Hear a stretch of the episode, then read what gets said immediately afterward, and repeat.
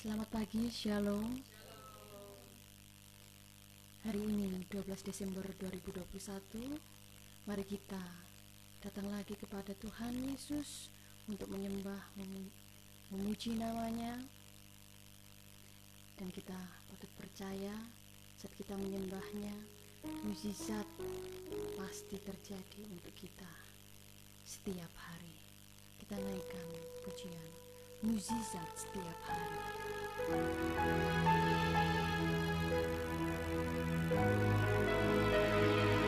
Tiada berubah kuasa namamu, tiada berkesudahan kasih setiamu.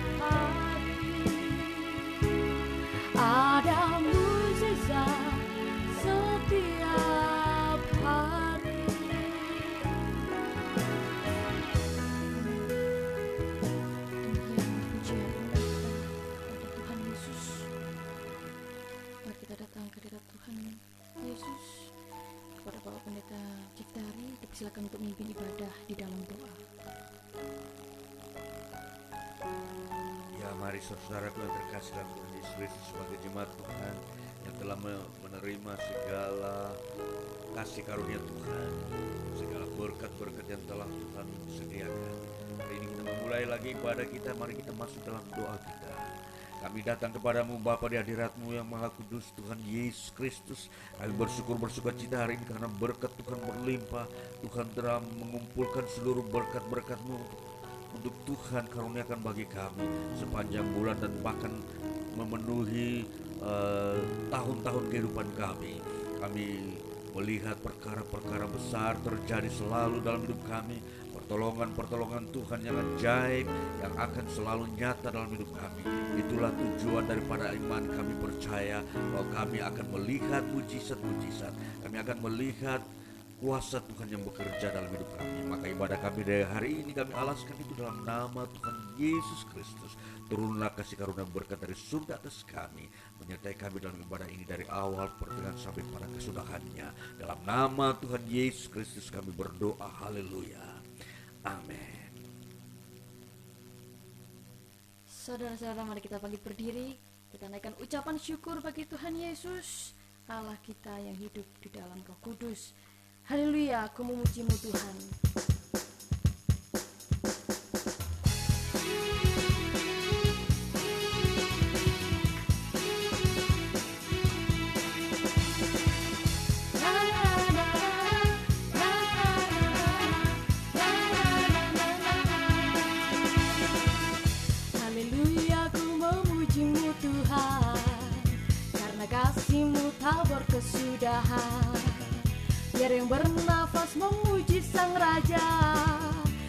Atas gunung dan di dalam samudra Tanganku ku angkat padamu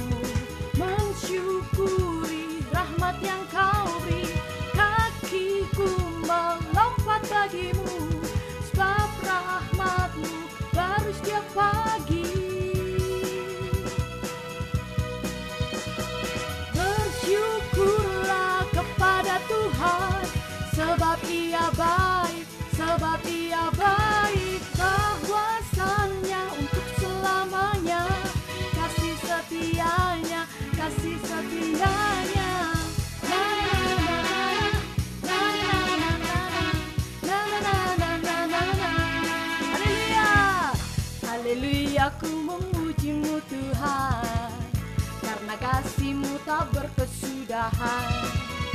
Biar yang bernafas memuji sang raja Di atas gunung dan di dalam samudra.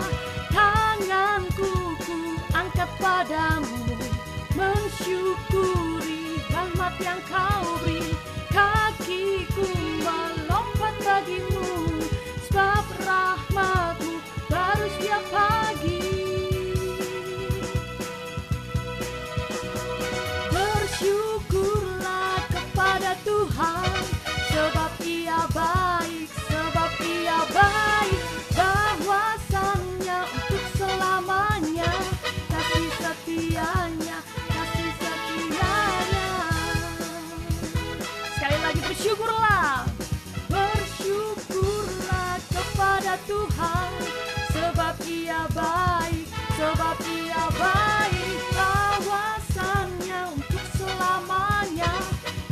setianya, kasih setianya.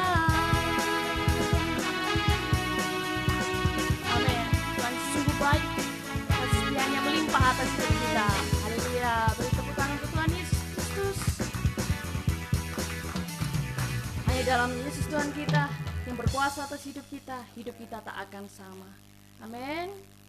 Sebab kita tahu sungguh anugerahnya indah bagi kehidupan kita. Kita naikkan pujian bagi dia, hidupku takkan sama.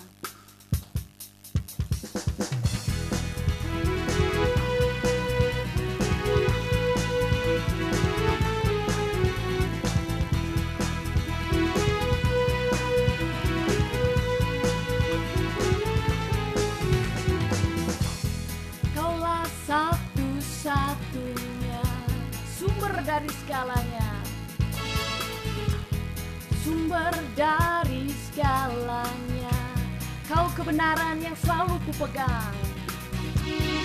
Kau kebenaran yang selalu kupegang. Kau keyakinanku untuk bersinar terang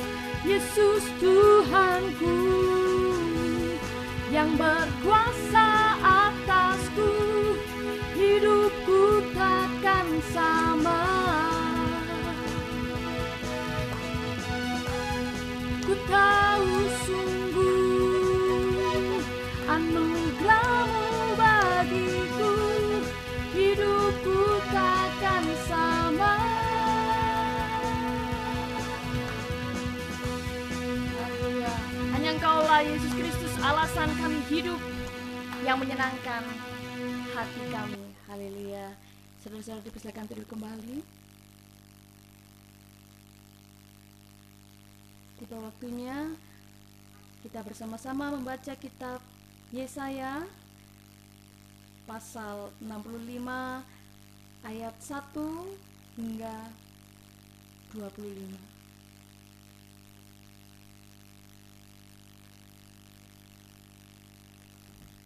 Mari kita membaca bersama-sama Yesaya 65 ayat 1 hingga 25. 1 dua, tiga. Jawab Allah, hukuman bagi orang berdosa dan keselamatan bagi orang saleh.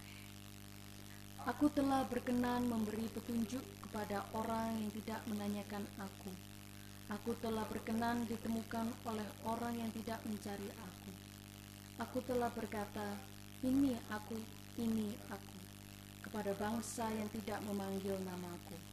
Sepanjang hari aku telah mengulurkan tanganku kepada suku bangsa yang memberontak, yang menempuh jalan yang tidak baik dan mengikuti rancangannya sendiri. Suku bangsa yang menyakitkan hatiku senantiasa di depan mataku dengan mempersembahkan korban di taman-taman dewa dan membakar korban di atas batu bata yang duduk di kuburan-kuburan dan bermalam di dalam gua-gua yang memakan daging babi dan kuah daging najis ada dalam kuali mereka yang berkata menjauhlah janganlah meraba aku nanti engkau menjadi kudus olehku. Semuanya ini seperti asap yang naik ke dalam hidungku seperti api yang menyala sepanjang hari. Sesungguhnya telah ada tertulis di hadapanku aku tidak akan tinggal diam malah aku akan mengadakan pembalasan ya pembalasan terhadap diri mereka atas segala kesalahan mereka sendiri maupun atas kesalahan nenek moyangnya semuanya serentak firman Tuhan. Sebab mereka telah membakar korban di atas gunung-gunung dan mengaitkan aku di atas bukit-bukit. Memang aku akan menakar ke dalam jubah mereka upah untuk perbuatan-perbuatan mereka yang dahulu. Beginilah firman Tuhan seperti kata orang jika pada tandan buah anggur masih terdapat airnya, janganlah musnahkan itu, sebab di dalamnya masih ada berkat. Demikianlah aku akan bertindak oleh karena hamba-hambaku, yakni aku tidak akan memusnahkan sekaliannya. Aku akan membangkitkan keturunan dari Yakub dan orang yang mewarisi gunung-gunungku dari Yehuda. Orang-orang pilihanku akan mewarisinya dan hamba-hambaku akan tinggal di situ. Saron akan menjadi padang rumput bagi kambing domba dan lembah Akor menjadi tempat pembaringan bagi lembu sapi untuk umatku yang mencari aku. Tetapi kamu yang telah meninggalkan Tuhan, yang telah melupakan gunungku yang kudus, yang menyajikan hidangan bagi dewa Gad, dan yang menyuguhkan anggur bercampur rempah bagi dewa Meni, aku akan menentukan kamu bagi pedang, dan kamu sekalian akan menekuk lutut untuk dibantai. Oleh karena ketika aku memanggil, kamu tidak menjawab, ketika aku berbicara, kamu tidak mendengar, tetapi kamu melakukan apa yang jahat di mataku dan lebih menyukai apa yang tidak berkenan kepadaku. Sebab itu beginilah firman Tuhan Allah. Sesungguhnya hamba-hambaku akan makan, tetapi kamu akan menderita kelaparan. Sesungguhnya hamba-hambaku akan minum, tetapi kamu akan menderita kehausan. Sesungguhnya hamba-hambaku akan bersuka cita, tetapi aku akan mendapat malu. Sesungguhnya hamba-hambaku akan bersorak-sorai karena gembira hatinya, tetapi kamu akan mengerang karena sedih hati, dan kamu akan menangis karena patah semangat. Kamu harus meninggalkan namamu kepada orang-orang pilihanku untuk dipakai sebagai sumpah kutuk ini. Tuhan Allah kiranya membuat engkau seperti mereka tetapi hamba-hambaku akan disebut dengan nama lain, sehingga orang yang hendak mendapat berkat di negeri akan memohon berkat demi Allah yang setia. Dan orang yang hendak bersumpah di negeri akan bersumpah demi Allah yang setia.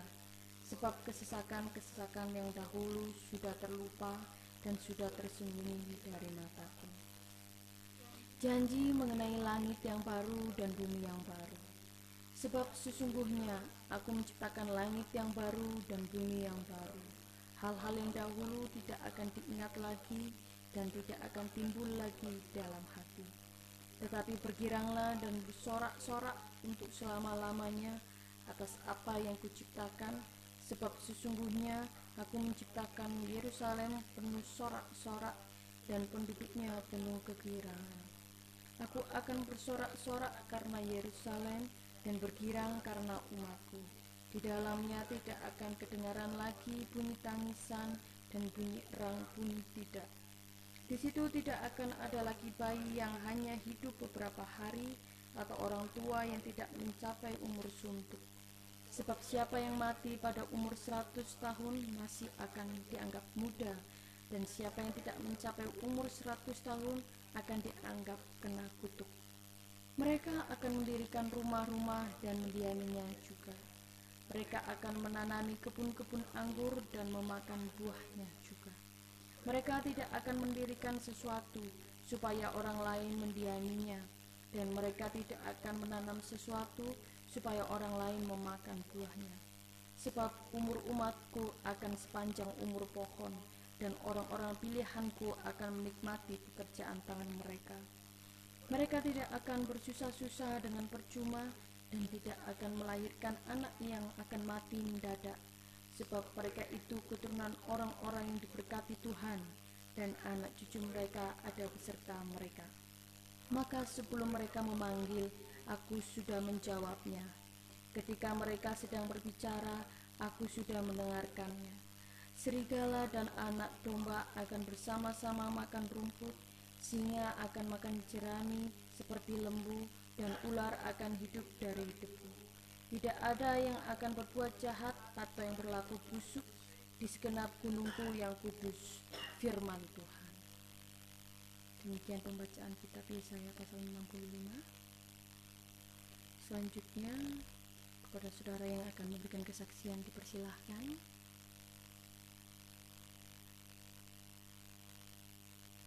Ya, jika belum ada, saya akan memberikan kesaksian melalui pujian jawaban hidup.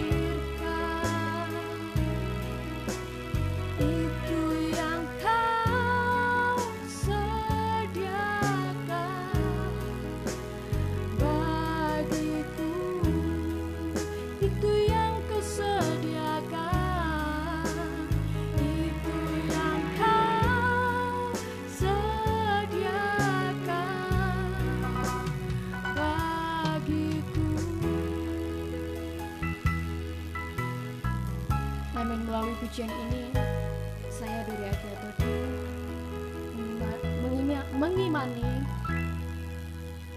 bahwa Tuhan Yesuslah yang saya percaya bahwa setiap hari dan rancangan yang Tuhan siapkan bagi saya itu sungguh indah. Demikian juga kiranya saudara yang mendengarkan melalui pujian ini mendapatkan kekuatan, peneguhan iman. Melalui pujian ini semangat sukacita untuk saudara yang mendengarkan bahwa hanya percaya dalam Tuhan Yesus Kristus sajalah pertolongan datang untuk kita. Amin. Selanjutnya mari kita bersama-sama menyiapkan hati kita untuk mendengarkan firman Tuhan. Mari kita sambut firman Tuhan melalui pujian penyembahan kehadiratnya yang kuasa, bukti kebesaran.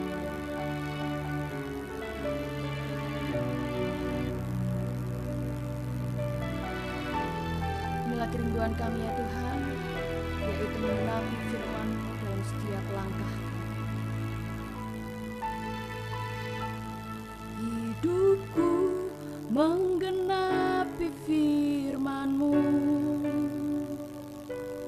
Tanda mujizat sertai tiap langkahku. Kau bersamaku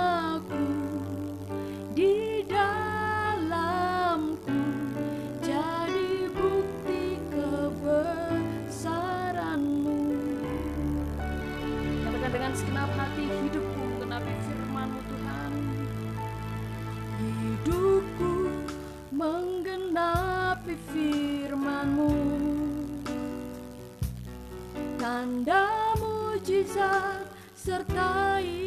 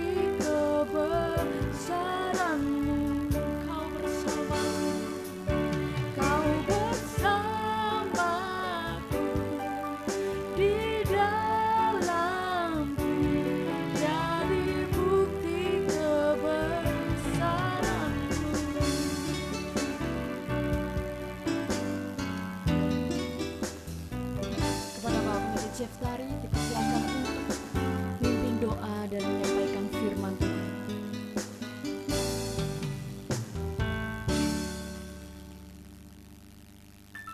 Ya puji Tuhan tiba saatnya kita akan mendengarkan firman Tuhan. Mari kita masuk dalam doa kita. Kami datang kepadamu hadirat di hadiratmu ya Bapa dalam Yesus Kristus dan ya Roh Kudus.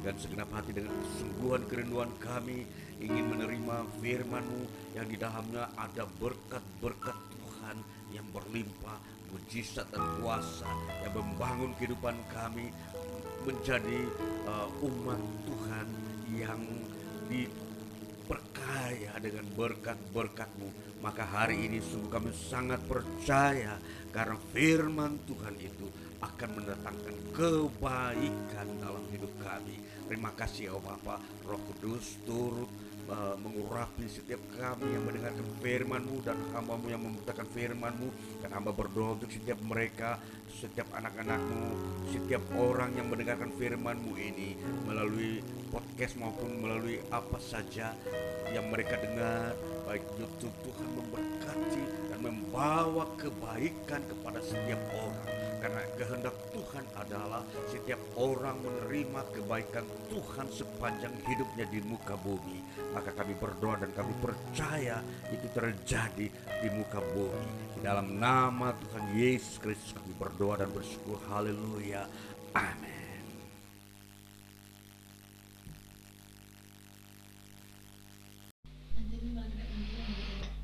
Ya, saudaraku yang terkasih, hari ini kita akan mendengarkan firman Tuhan dan membaca bersama yang pokok bacaannya terambil dari Injil Markus pasal 1 ayat 21 hingga 22. Bunyinya demikian. Yesus dalam rumah ibadat di Kapernaum. Mereka tiba di Kapernaum setelah hari Sabat mulai, Yesus segera masuk ke dalam rumah ibadat dan mengajar. Mereka takjub mendengar pengajarannya, sebab ia mengajar mereka sebagai orang yang berkuasa, tidak seperti ahli-ahli Taurat. Dan ada ayat bandingannya kita baca di dalam Injil Matius pasal 7 ayat 28. Matius 7 ayat 28 bunyinya demikian. Dan setelah Yesus mengakhiri perkataan ini, takjublah orang banyak itu mendengar pengajarannya. Ayat 29, sebab ia mengajar mereka sebagai orang yang berkuasa, tidak seperti ahli-ahli Taurat mereka. Dan memang ada sambungan lagi di dalam Injil Lukas pasal 4 sebagai uh, paralel, paralel daripada ayat ini Injil Lukas pasal 4 ayatnya yang ke-31 hingga 32 bunyinya demikian. Kemudian Yesus pergi ke Kapernaum sebuah kota di Galilea lalu mengajar di situ pada hari-hari Sabat. Mereka takjub mendengar pengajarannya sebab perkataannya penuh kuasa. Ya, saudaraku yang terkasih, kita mau melihat di sini uh, tema dari bacaan kita adalah iman yang reformatif. Saudaraku yang terkasih, kita mau memperhatikan apa itu iman yang reformatif. Kata reformatif itu sendiri uh, memberikan gambaran tentang perubahan. Ya, perubahan yang disebabkan oleh adanya uh, sumber kekuatan kebenaran yang hadir di tengah umat manusia. Saudaraku yang terkasih, kita mau memperhatikan bagaimana sumber daripada reformatif itu sendiri. Di dalam kehadiran Yesus Kristus, khususnya dalam bacaan ini, kita melihat Yesus hadir dan mengajar di bait-bait Allah. Pengajaran Yesus menakjubkan banyak orang. Nah, saudaraku yang terkasih, apa itu artinya menakjubkan? Ini yang kita harus uh, dalami dan kita harus mengerti uh, menakjubkan yang membuat orang takjub uh, mendengar pengajaran Yesus Kristus. Nah, saudaraku yang terkasih, mari kita mau melihat satu persatu bahwa menakjubkan di sini di dalam uh, teks bahasa Yunani Alkitab dikatakan kata menakjubkan memakai kata ekspleso. Ya, kata ekspleso ini memang diterjemahkan menakjubkan. Namun di dalam sinonimnya itu ada kata gempar. Jadi kalau kita mau memperhatikan kata ini gempar atau menakjubkan itu artinya membuat satu kota atau daerah di mana Yesus hadir itu khususnya daerah Galilea pada saat itu membuat seluruh penduduk di situ mendengar pengajaran Yesus mereka semua takjub atau gempar ya. Gempar itu artinya ada satu respon yang keluar dari hati yang paling dalam bahwa mereka semua itu terheran-heran. Dan tentunya arahnya adalah positif ya. Transformatif. Jadi transformatif itu adalah reformatif yang mengubahkan. Jadi kalau kata reformatif itu sendiri itu artinya mengubah. Mengubah dalam arah tatanan yang dibangun transformatif nah di sini kita mau memperhatikan bagaimana apa yang uh, kita sudah lihat dari tema tadi bahwa iman yang reformatif. Jadi iman yang reformatif di sini kita mau pahami dari dasarnya adalah terjadinya kegemparan atau ketakjuban oleh karena kehadiran Yesus Kristus.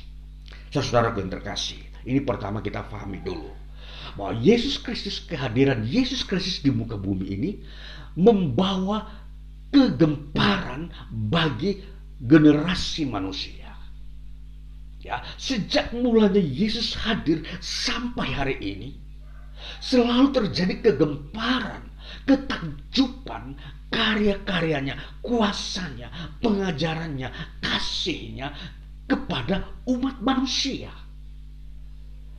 Jadi di sini kita melihat bahwa di sini reformatifnya seperti itu kegemparan, kesukaan. Nah, jadi kita uh, lihat dari uh, teks bacaan ini bahwa sesungguhnya uh, kehadiran Yesus Kristus itu hanya membawa dua dampak. Ya. Dampak yang pertama adalah kegemparan atau ketakjuban bagi semua orang yang merindukan perubahan Orang-orang yang menanti-nantikan, memimpi-mimpikan perubahan, perubahan hidup supaya hidup ini lebih baik, itu mereka akan takjub dengan kehadiran Yesus. Bahkan bukan saja pribadinya, tapi pengajarannya pun menakjubkan. Nah, nanti kita akan melihat apa itu pengajaran yang menakjubkan. Tapi kita harus perhatikan dasarnya pertama bahwa kehadiran Yesus di muka bumi ini selalu mendatangkan ketakjuban Dan itulah era Yesus Kristus. Nah, saudara yang terkasih, orang-orang yang menantikan perubahan inilah yang takjub. Tetapi sisi yang lain, orang-orang yang tidak mengharapkan perubahan yang hanya mau di dalam kegelapan, mereka justru mengalami keguncangan. Nah ini jadi hanya dua. Jadi dua uh, kondisi situasi di tengah hidup manusia ketika Yesus hadir di muka bumi. Kita ada dalam udara Natal dan tentunya di dalam udara Natal ini akan berbicara tentang kehadiran Yesus saya mau menyampaikan tentang bagaimana kehadiran Yesus itu uh, mempunyai dampak yang besar ya. Pertama kita sudah lihat tadi ketakjuban, tapi yang kedua terjadi keguncangan. Nah, di dalam uh, bagian teks pada Injil Matius pasal 2 dulu kita mau memperhatikan Injil Matius pasal 2 ayat yang ketiga Injil Matius pasal 2 ayat ketiga bunyinya demikian. Ketika Raja Herodes mendengar hal itu, terkejutlah ia beserta seluruh Yerusalem. Apa itu? Terkejut. Herodes adalah seorang raja yang ada di Yerusalem.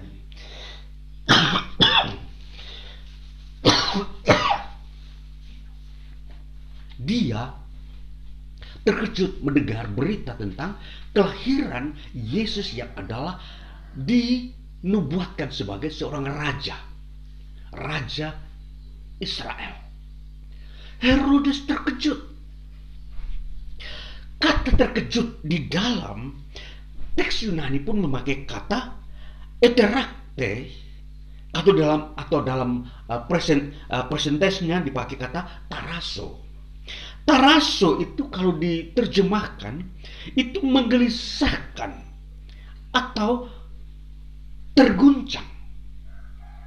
Jadi Herodes itu gelisah atau terguncang dengan kehadiran Yesus, kelahiran Yesus yang difahami oleh orang Israel sebagai seorang raja. Nah, jadi ini kehadiran Yesus di muka bumi ini dalam seluruh konteks ke kehidupan pribadinya mulai dari bayi sampai Yesus uh, mati di kayu salib selalu membawa dampak dua hal ini dua dampak yaitu menakjubkan dan mengguncangkan. Saudara perhatikan. Jadi uh, irama uh, yang ada kita lihat di dunia saat ini bahwa uh, tidak pernah situasi itu dalam keadaan diam atau sunyi atau dalam kata katakanlah dalam kondisi uh, tidak ada respons membisu.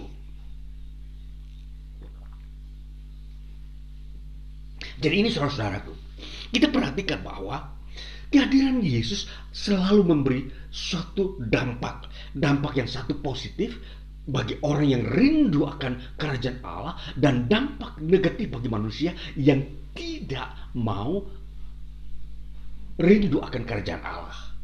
Nah, itulah yang kita lihat. Jadi kita harus pahami di dunia ini selalu ada ada dua kondisi manusia dengan kehadiran Yesus. Satu menggembarkan dan yang satu mengguncangkan. Jadi kalau kita sudah tahu orang yang begitu takjub itu adalah orang yang menanti-nantikan reformatif atau menantikan perubahan hidup di mana berkat Tuhan akan dia dapatkan. Nah, ini yang kita harus ketahui. Jadi kita lanjutkan bahwa apa yang membuat pengejaran Yesus itu reformatif, yang menakjubkan banyak orang yang membuat orang lain itu gempar dan merasa diangkat dari tempat duduknya untuk berdiri dan segera menuju kepada perubahan. Ini yang kita mau memperhatikan di mana letaknya dan di mana isi pengajarannya. Di dalam bagian Injil Matius pasal yang kelima, di situ dikatakan mulai pasal 5 sampai pasal 7 ada tiga pasal di situ ada kurang lebih ada 109 ayat. Di dalam bagian uh, tiga pasal ini, di situlah pengajaran Yesus yang menakjubkan.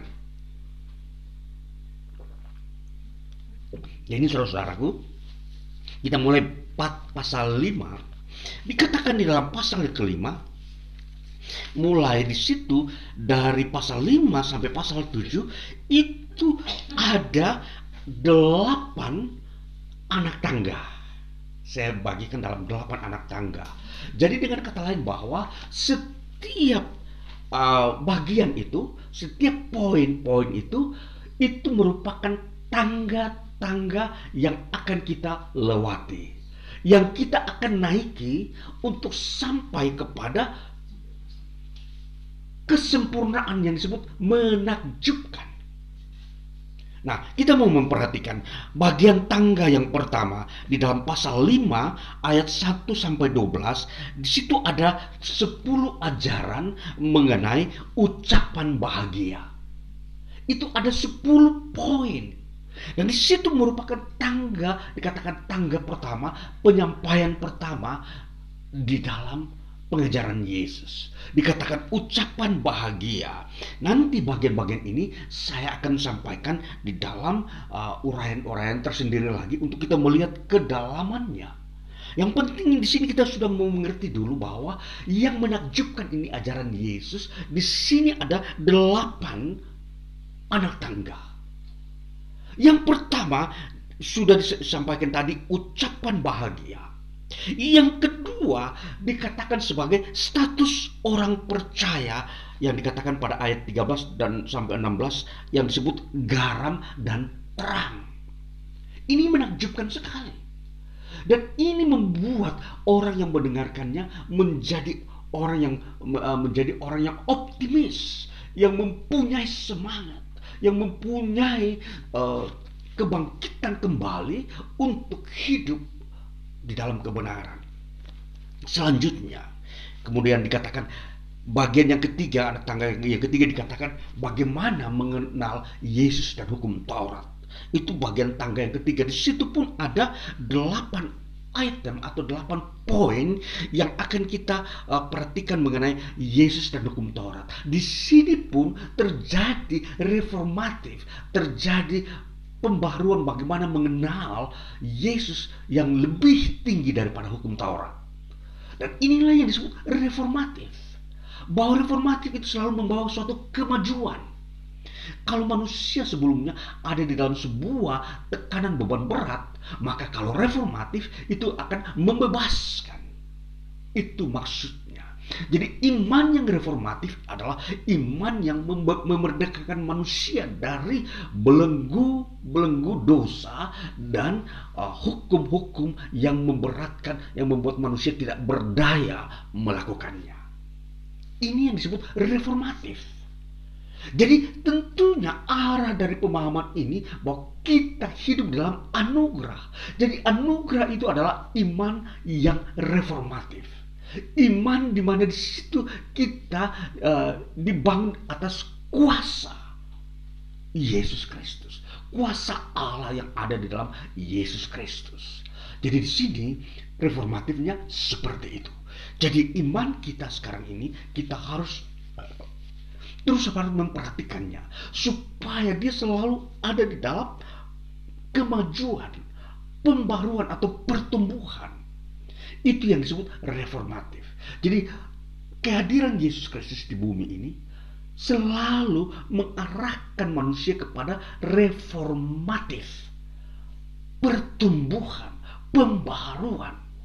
Nah, jadi bagian yang uh, keempat dikatakan bagian pada pasal-pasal berikutnya yang dikatakan uh, uh, ibadah dan doa itu di dalam pasal 6. Pasal 6 itu itu ter, dari ayat pertama sehingga eh, atau hingga ayatnya yang ke eh, 18 itu ada di dalam sebuah ibadah dan doa. Bagaimana ibadah dan doa itu mengalami reformatif. Ibadah sudah tidak lagi palsu. Ibadah sudah tidak lagi uh, munafik dan juga doa tidak lagi uh, asal-asalan, tetapi doa yang mengarahkan kepada sasaran yang Tuhan Yesus ajarkan sebagai doa Bapa kami. Itu doa yang uh, transformatif, yang reformatif, doa yang uh, sesuai dengan kehendak Allah. Ini yang kita uh, perhatikan apa yang Yesus ajarkan sehingga banyak orang mengalami kegentaran dan takjub akan ajarannya. Dan kemudian kita melihat pada bagian yang berikutnya soal bagaimana menata harta dan kehidupan. Pada pasal yang uh, ke-6 juga ayat 19 hal mengumpulkan harta hingga pasal uh, atau hingga ayat yang ke Eh, uh, 34 itu 19 hingga 34 bagaimana itu bagian daripada Yesus mengajarkan bagaimana manusia mengelola harta atau me, uh, menilai harta dibandingkan dengan kehidupan dia dalam kerajaan surga. Nah ini juga mengalami reformatif. Bagaimana manusia yang um, mencintai kerajaan Allah, dia bisa mengerti posisi daripada kerajaan Allah dan posisi daripada harta. Bahwa kerajaan Allah lebih tinggi daripada harta. Itu adalah reformatif. Kalau orang menempatkan harta lebih tinggi daripada reformatif, eh daripada kerajaan Allah, itu tidak reformatif. Jadi reformatif itu perubahan. Manusia menempatkan hal yang tertinggi itu pada posisi yang tepat. Jadi kerajaan Allah adalah posisi yang tertinggi. Bukan harta. Ini reformatif. Jadi iman yang reformatif inilah seperti ini. Memandang kerajaan Allah itu lebih tinggi. Kemudian kita mau memperhatikan lagi hukum dan keadilan pada pasal yang ketujuh. Ini pasal yang terakhir yang dikatakan di situ bagaimana uh, hukum dan keadilan itu setiap orang dapat menerapkan itu dengan tepat. Jadi dimulai katakan, jangan kamu menghakimi supaya kamu tidak dihakimi. Jadi di sini terjadi reformatif. Orang tidak menghakimi sembarangan uh, sesamanya. Dan itu tidak ada haknya orang menghakimi sesamanya. Nah, itulah reformatif. Jadi iman reformatif itu adalah iman yang menempatkan manusia atau seseorang itu pada posisi sebenarnya. Jadi bagaimana dia mengenal hukum, bagaimana dia mengenal keadilan itu reformatif. Jadi hukum dan keadilan itu menjadi bagian di dalam reformatif. Seseorang ketika percaya Yesus, dia akan diajarkan oleh Tuhan, oleh Roh Kudus sendiri tentang bagaimana mengerti hukum dan keadilan bagi dirinya sendiri dan di tengah banyak orang. Dan lalu yang kemudian yang berikutnya tentang kekudusan jadi kekudusan ini juga tidaklah barang murahan. Kekudusan ini didapatkan dari Tuhan. Jadi bisa dihargai, bisa dipelihara apa yang kudus. Jadi tidak dihambur-hamburkan atau tidak dianggap sepele hal yang kudus itu. Nah ini saudara-saudara, jadi ini yang kita memperhatikan, ini yang membuat orang gempar, terjadi reformatif. Dan yang terakhir di bagian berikutnya, hal pengejaran sesat.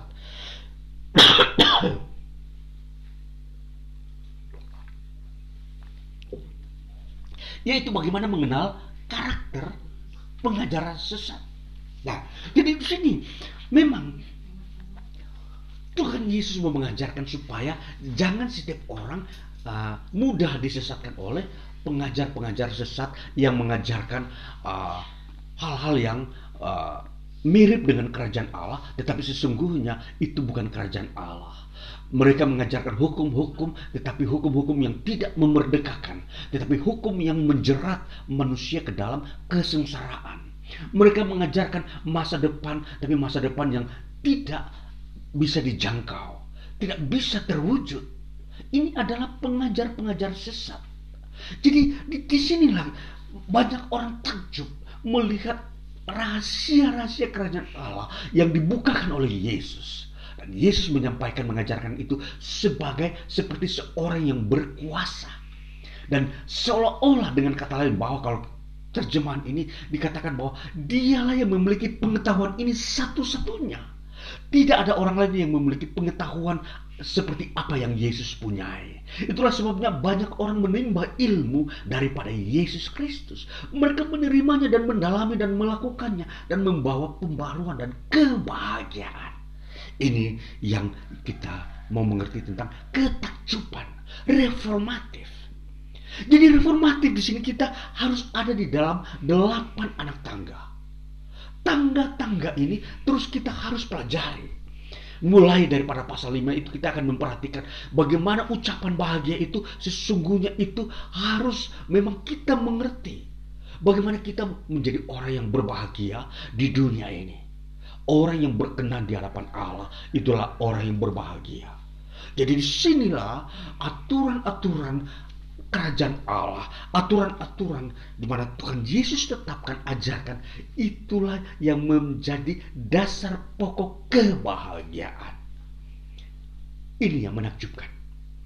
Setiap orang di bumi ini ingin men, mendapatkan kebahagiaan. Ingat, kebahagiaan tidak didapatkan dari kegayaan, tidak didapatkan dari jabatan, tidak didapatkan dari kesuksesan, tetapi kekayaan eh, kebahagiaan didapatkan dari atau kehadiran kita atau, atau penyerahan kita kepada Yesus Kristus. Kita menerima firman-Nya. Itulah yang mendatangkan kebahagiaan. Saudaraku yang terkasih. Ini kunci-kunci kehidupan iman yang reformatif. Nanti kita akan melihat dalam uraian-uraian berikutnya. Yang penting di sini kita mau dibawa-bawa, dibukakan bagaimana Yesus datang ke dunia ini membawa pembaharuan. Yesus datang di sini dengan kata lain kalau kita memakai bahasa praktisnya adalah membawa berkat. Ya. Jadi berkat itu luas. Dia menyangkut hal-hal materi, hal jiwa, hal kesehatan, hal kemakmuran, hal sejahtera. Ini yang kita bisa simpulkan dengan pembaruan. Jadi kehadiran Yesus, kedatangan Yesus Kristus itu kehendak Allah. Allah mengasihi umat manusia. Allah mau membuat manusia itu berbahagia dan mau menikmati uh, kerajaannya baik yang ada di bumi ini maupun sebentar ketika akhir zaman itu tiba. Dan semua ini menjadi bagian daripada berita Injil. Jadi Injil yang kita pelajari, yang kita kenal ini, itu mengajarkan dan berbicara tentang kehendak Allah di mana di dalamnya ada kasih Allah kepada seluruh umat manusia sehingga ini diperuntukkan untuk semua orang siapa pun yang merindukan akan kebahagiaan boleh diizinkan atau dipersilahkan datang dan terimalah Yesus Kristus di situ sumbernya, sumber berkat Allah di dalam Tuhan Yesus Kristus. Saudara yang terkasih. Jadi di sini kita mau memperhatikan tentang pembaruan reformatif. Jadi iman yang kita punya ini adalah sifat bersifat reformatif. Jadi pembaruan tidak boleh kita uh, tetap ada di dalam sebuah uh, keterpurukan. Itu iman yang seperti itu itu adalah iman yang masih uh, belum mau menerima atau memberi respon kepada Kristus Yesus. Jadi memberikan tanggapan kepada firman Tuhan, kepada ajakan Yesus Kristus, itu akan menghasilkan iman yang reformatif. Pembaruan hidup. Maka kalau seseorang sepanjang dia belajar di dunia ini, dia mulai sekolah dari SD sampai di perguruan tinggi, dia mempunyai tujuan. Ialah dia mendapatkan kehidupan atau pekerjaan dalam dalam uh, konsepnya bahwa dia bisa uh, hidup melalui hasil pekerjaannya. Ini reformatif. Tidak mungkin seorang sekolah dia dengan mempunyai tujuan lalu menganggur duduk-duduk saja begitu. Tidak, itu tidak reformatif. Jadi reformatif itu sebenarnya konsep utamanya adalah supaya terjadi pembaharuan. Hidup manusia itu mengalami pertumbuhan di dalam kualitasnya. Itu reformatif. Jadi berbicara reformatif itu berbicara tentang pembangunan, pembangunan hidup. Jadi di situ, di situ akan orang akan melihat bagaimana hidup itu dibangun secara benar dan positif. dan itu akan mendatangkan damai sejahtera. Ini kita harus pahami. Jadi iman ini bukan barang barang yang hanya uh, uh, hanya dipajang begitu saja. Iman bukan hal-hal yang hanya sebagai tempelan untuk dilihat, bukan. Dia mempunyai pengaruh terhadap hidup manusia. Jadi di mana iman yang kau punyai itu akan mempengaruhi hidupmu. Kalau iman yang kau pakai iman reformatif itu akan membawa pembaruan dalam hidupmu. Pembaruan inilah yang dinanti-nantikan. Kalau engkau menganggap remeh iman, maka engkau tidak akan mengalami perubahan, pembaruan. Jadi kunci pembaruan hidup itu ada di dalam iman, bukan pengetahuan. Pengetahuan itu bagaikan sebuah kalau kita uh, ibaratkan uh, kaki kita ada dua. Yang satu boleh kata kita bilang iman, yang satu disebut pengetahuan. Jadi pengetahuan dengan iman itu dia uh, saling memperlengkapi untuk memajukan kehidupan manusia. Maka Yesus datang mengajarkan dua unsur ini, kerajaan Allah dan kehidupan manusia di dunia. Salah satunya dikatakan soal bagaimana mengelola keuangan. Nah, itu salah satu bagian daripada reformatif. Jadi hidup manusia di dalam di dunia ini reformatif itu menyangkut baik rohani dan jasmani. Jadi iman yang reformatif ini iman yang uh, kontekstual, iman yang uh, dibutuhkan sangat-sangat dibutuhkan oleh manusia dan generasinya di dalam membangun hidup manusia. Tanpa firman Tuhan, maka pembaruan yang dirindukan oleh manusia tidak akan tercapai. Karena dalam firman Tuhan hanya ada unsur keilahian, ada ketuhanan di situ. Ada kuasa dari surga di situ. Jadi di sini mari kita memperhatikan, kita memperhatikan hal-hal iman. Iman itu akan memperlengkapi hidup kita. Jadi mari kita masuk di dalam hidup kita, memasuki uh, udara Natal ini dengan tahun baru. Kita akan beberapa hari lagi dan di sini kita mau memperhatikan bahwa iman reformatif ini iman yang membangun hidup manusia ini sangat kita butuhkan. Perhatikan ini. Jadi dari dasar-dasarnya ada delapan anak tangga. Nanti satu waktu saya akan lanjutkan pembahasan bagaimana anak tangga pertama dengan ucapan bahagia di mana 10 poin, 10 ajaran Yesus tentang ucapan bahagia ini menjadi anak tangga pertama untuk membawa kita kepada iman yang reformatif. Tuhan Yesus memberkati kita di dalam hari-hari hidup kita dan kerja kita. Haleluya. Amin. Mari kita masuk dalam doa syafaat kita. Kita akan uh, mendoakan perkara-perkara yang kita jalani atau dengan kata lain pekerjaan-pekerjaan yang perlu kita uh, kembangkan karena memang di sini uh, doa kita akan memperlengkapi kita mana Tuhan akan hadir memberkati semua kehidupan kita dan aktivitas kita. Mari kita masuk dalam doa syafaat kita.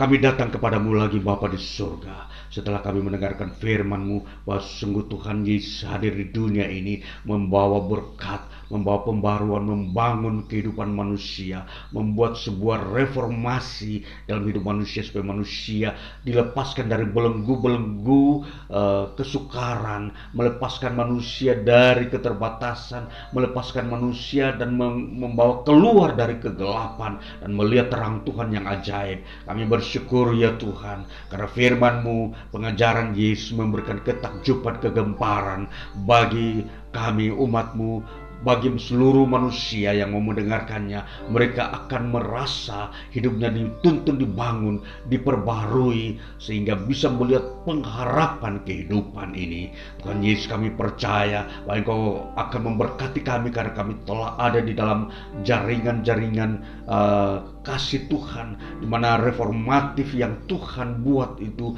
telah kami uh, mengerti dan terima hari ini bahwa dalam firman-Mu akan membawa kami kepada perubahan, pembaharuan dan berkat-Mu.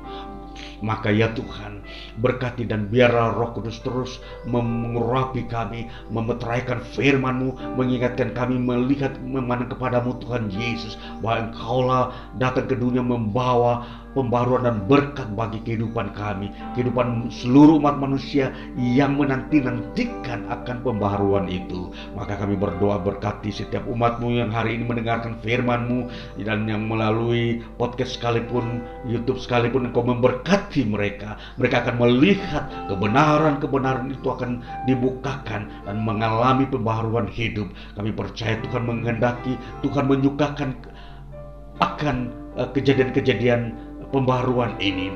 Tuhan begitu uh, bangga atau bersuka cita melihat manusia diberkati, mengalami perubahan karena tinggal di dalam kebenaranmu. Maka biarlah hari-hari ini sungguh apa yang kami cita-citakan rindukan untuk diberkati, biarlah kami melihat kenyataan-kenyataan itu maka berkatilah setiap umatmu hari-hari ini akan masuk dalam dunia kerja mereka di mana mereka ditempatkan dipanggil Tuhan untuk bekerja karena Tuhan yang lain membuka ladang-ladang pekerjaan untuk mereka bekerja dan mereka akan melihat kesuksesan-kesuksesan dalam setiap pekerjaan di, tengah-tengah kondisi uh, apa pun yang sekarang ini sedang terjadi, baik itu dalam kondisi sedang mengalami uh, Uh, kelesuan-kelesuan ekonomi, tetapi di situ tidak akan menghambat uh, uh, kekuatan dan semangat anak-anakmu di dalam bekerja. Mereka tetap percaya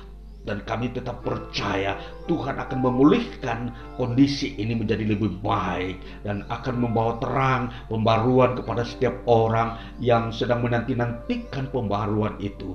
Tuhan kami berdoa supaya mem dalam memasuki masa-masa uh, persiapan Natal maupun selanjutnya kami mohon kehadiran Tuhan membawa uh, reformatif itu pembaruan dalam hidup setiap orang percaya yang ada saat ini di muka bumi dan biar kasih karunia sukacita itu menghiasi kehidupan hari-hari ini. Dan kami mau berdiri di atas sukacita Tuhan. Kami mau berjalan di atas sukacita Tuhan. Kami mau melakukan setiap pekerjaan di atas sukacita Tuhan. Terima kasih Bapak. Maka kami berdoa kuasa Tuhan bekerja di setiap anak-anakmu umatmu baik yang masih kecil remaja yang sudah bekerja sudah dewasa berkeluarga sampai mereka yang sudah uh, tua mereka uh, menantikan masa-masa peristirahatan. Tuhan memberkati semua kondisi-kondisi ini sehingga umatmu setiap orang di muka bumi akan bersorak-sorai memasuki hari-hari hidup mereka hari-hari hidup di mana Tuhan mengasihi setiap umatmu ini. Maka terang Tuhan menyinari di muka bumi ini, menerangi supaya memanggil banyak orang lagi, supaya datang kepada dikau Tuhan untuk menerima uh, pembaharuan dan berkatmu ini. Terima kasih berkati semua ini. Maka kami berdoa untuk pekerjaanmu juga pemberitaan Injil bagi tempat ini bagi dan juga rekan-rekanku di mana pun mereka berada. Berkati itu dan pakai terus pemberitaan firman supaya banyak orang di diselamatkan dan diberkati olehmu. Maka biarlah juga kondisi-kondisi lebih luas kondisi-kondisi global bangsa kami tempat kota di mana kami tinggal masing-masing berada. Tuhan memberkati kami member, berdoa memberkati eh, bangsa kami dan kota kami supaya terjadi pencurahan-pencurahan berkat Tuhan pembaruan-pembaruan.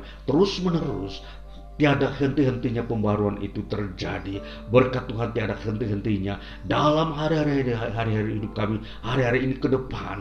Kami percaya berkat-berkat Tuhan dibukakan, dicurahkan, terus-menerus bertambah karena kami menanti-nantikan Tuhan dalam hari-hari hidup kami. Terima kasih Bapak, terpujilah namamu, Tuhan yang mengasihi kami. Engkau yang memberkati semua ini sehingga kami dapat berdoa menaikkan semua doa kami pada hari ini maka kami menaikkan segala doa sahabat kami ini biar kasih karunia dari surga turun atas kami setiap umatmu dan persekutuan dengan Yesus Kristus selalu meneguhkan kami penghiburan roh kudus menyertai kami siang dan malam dan kami berdoa sesuai dengan apa yang Tuhan ajarkan kepada kami.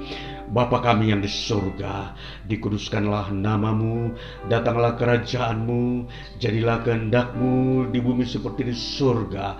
Berikanlah kami pada hari ini makanan kami yang secukupnya, dan ampunilah kami akan kesalahan kami, seperti kami juga mengampuni orang yang bersalah kepada kami. Dan janganlah membawa kami ke dalam pencobaan, tetapi lepaskanlah kami daripada yang jahat, karena engkau yang punya kerajaan, kuasa dan kemuliaan sampai selama-lamanya. Terima kasih Yesus. Terima kasih Yesus. Puji syukur hanya bagimu Ya Allahku, ya Tuhanku, terima kasih Yesus, terima kasih Yesus,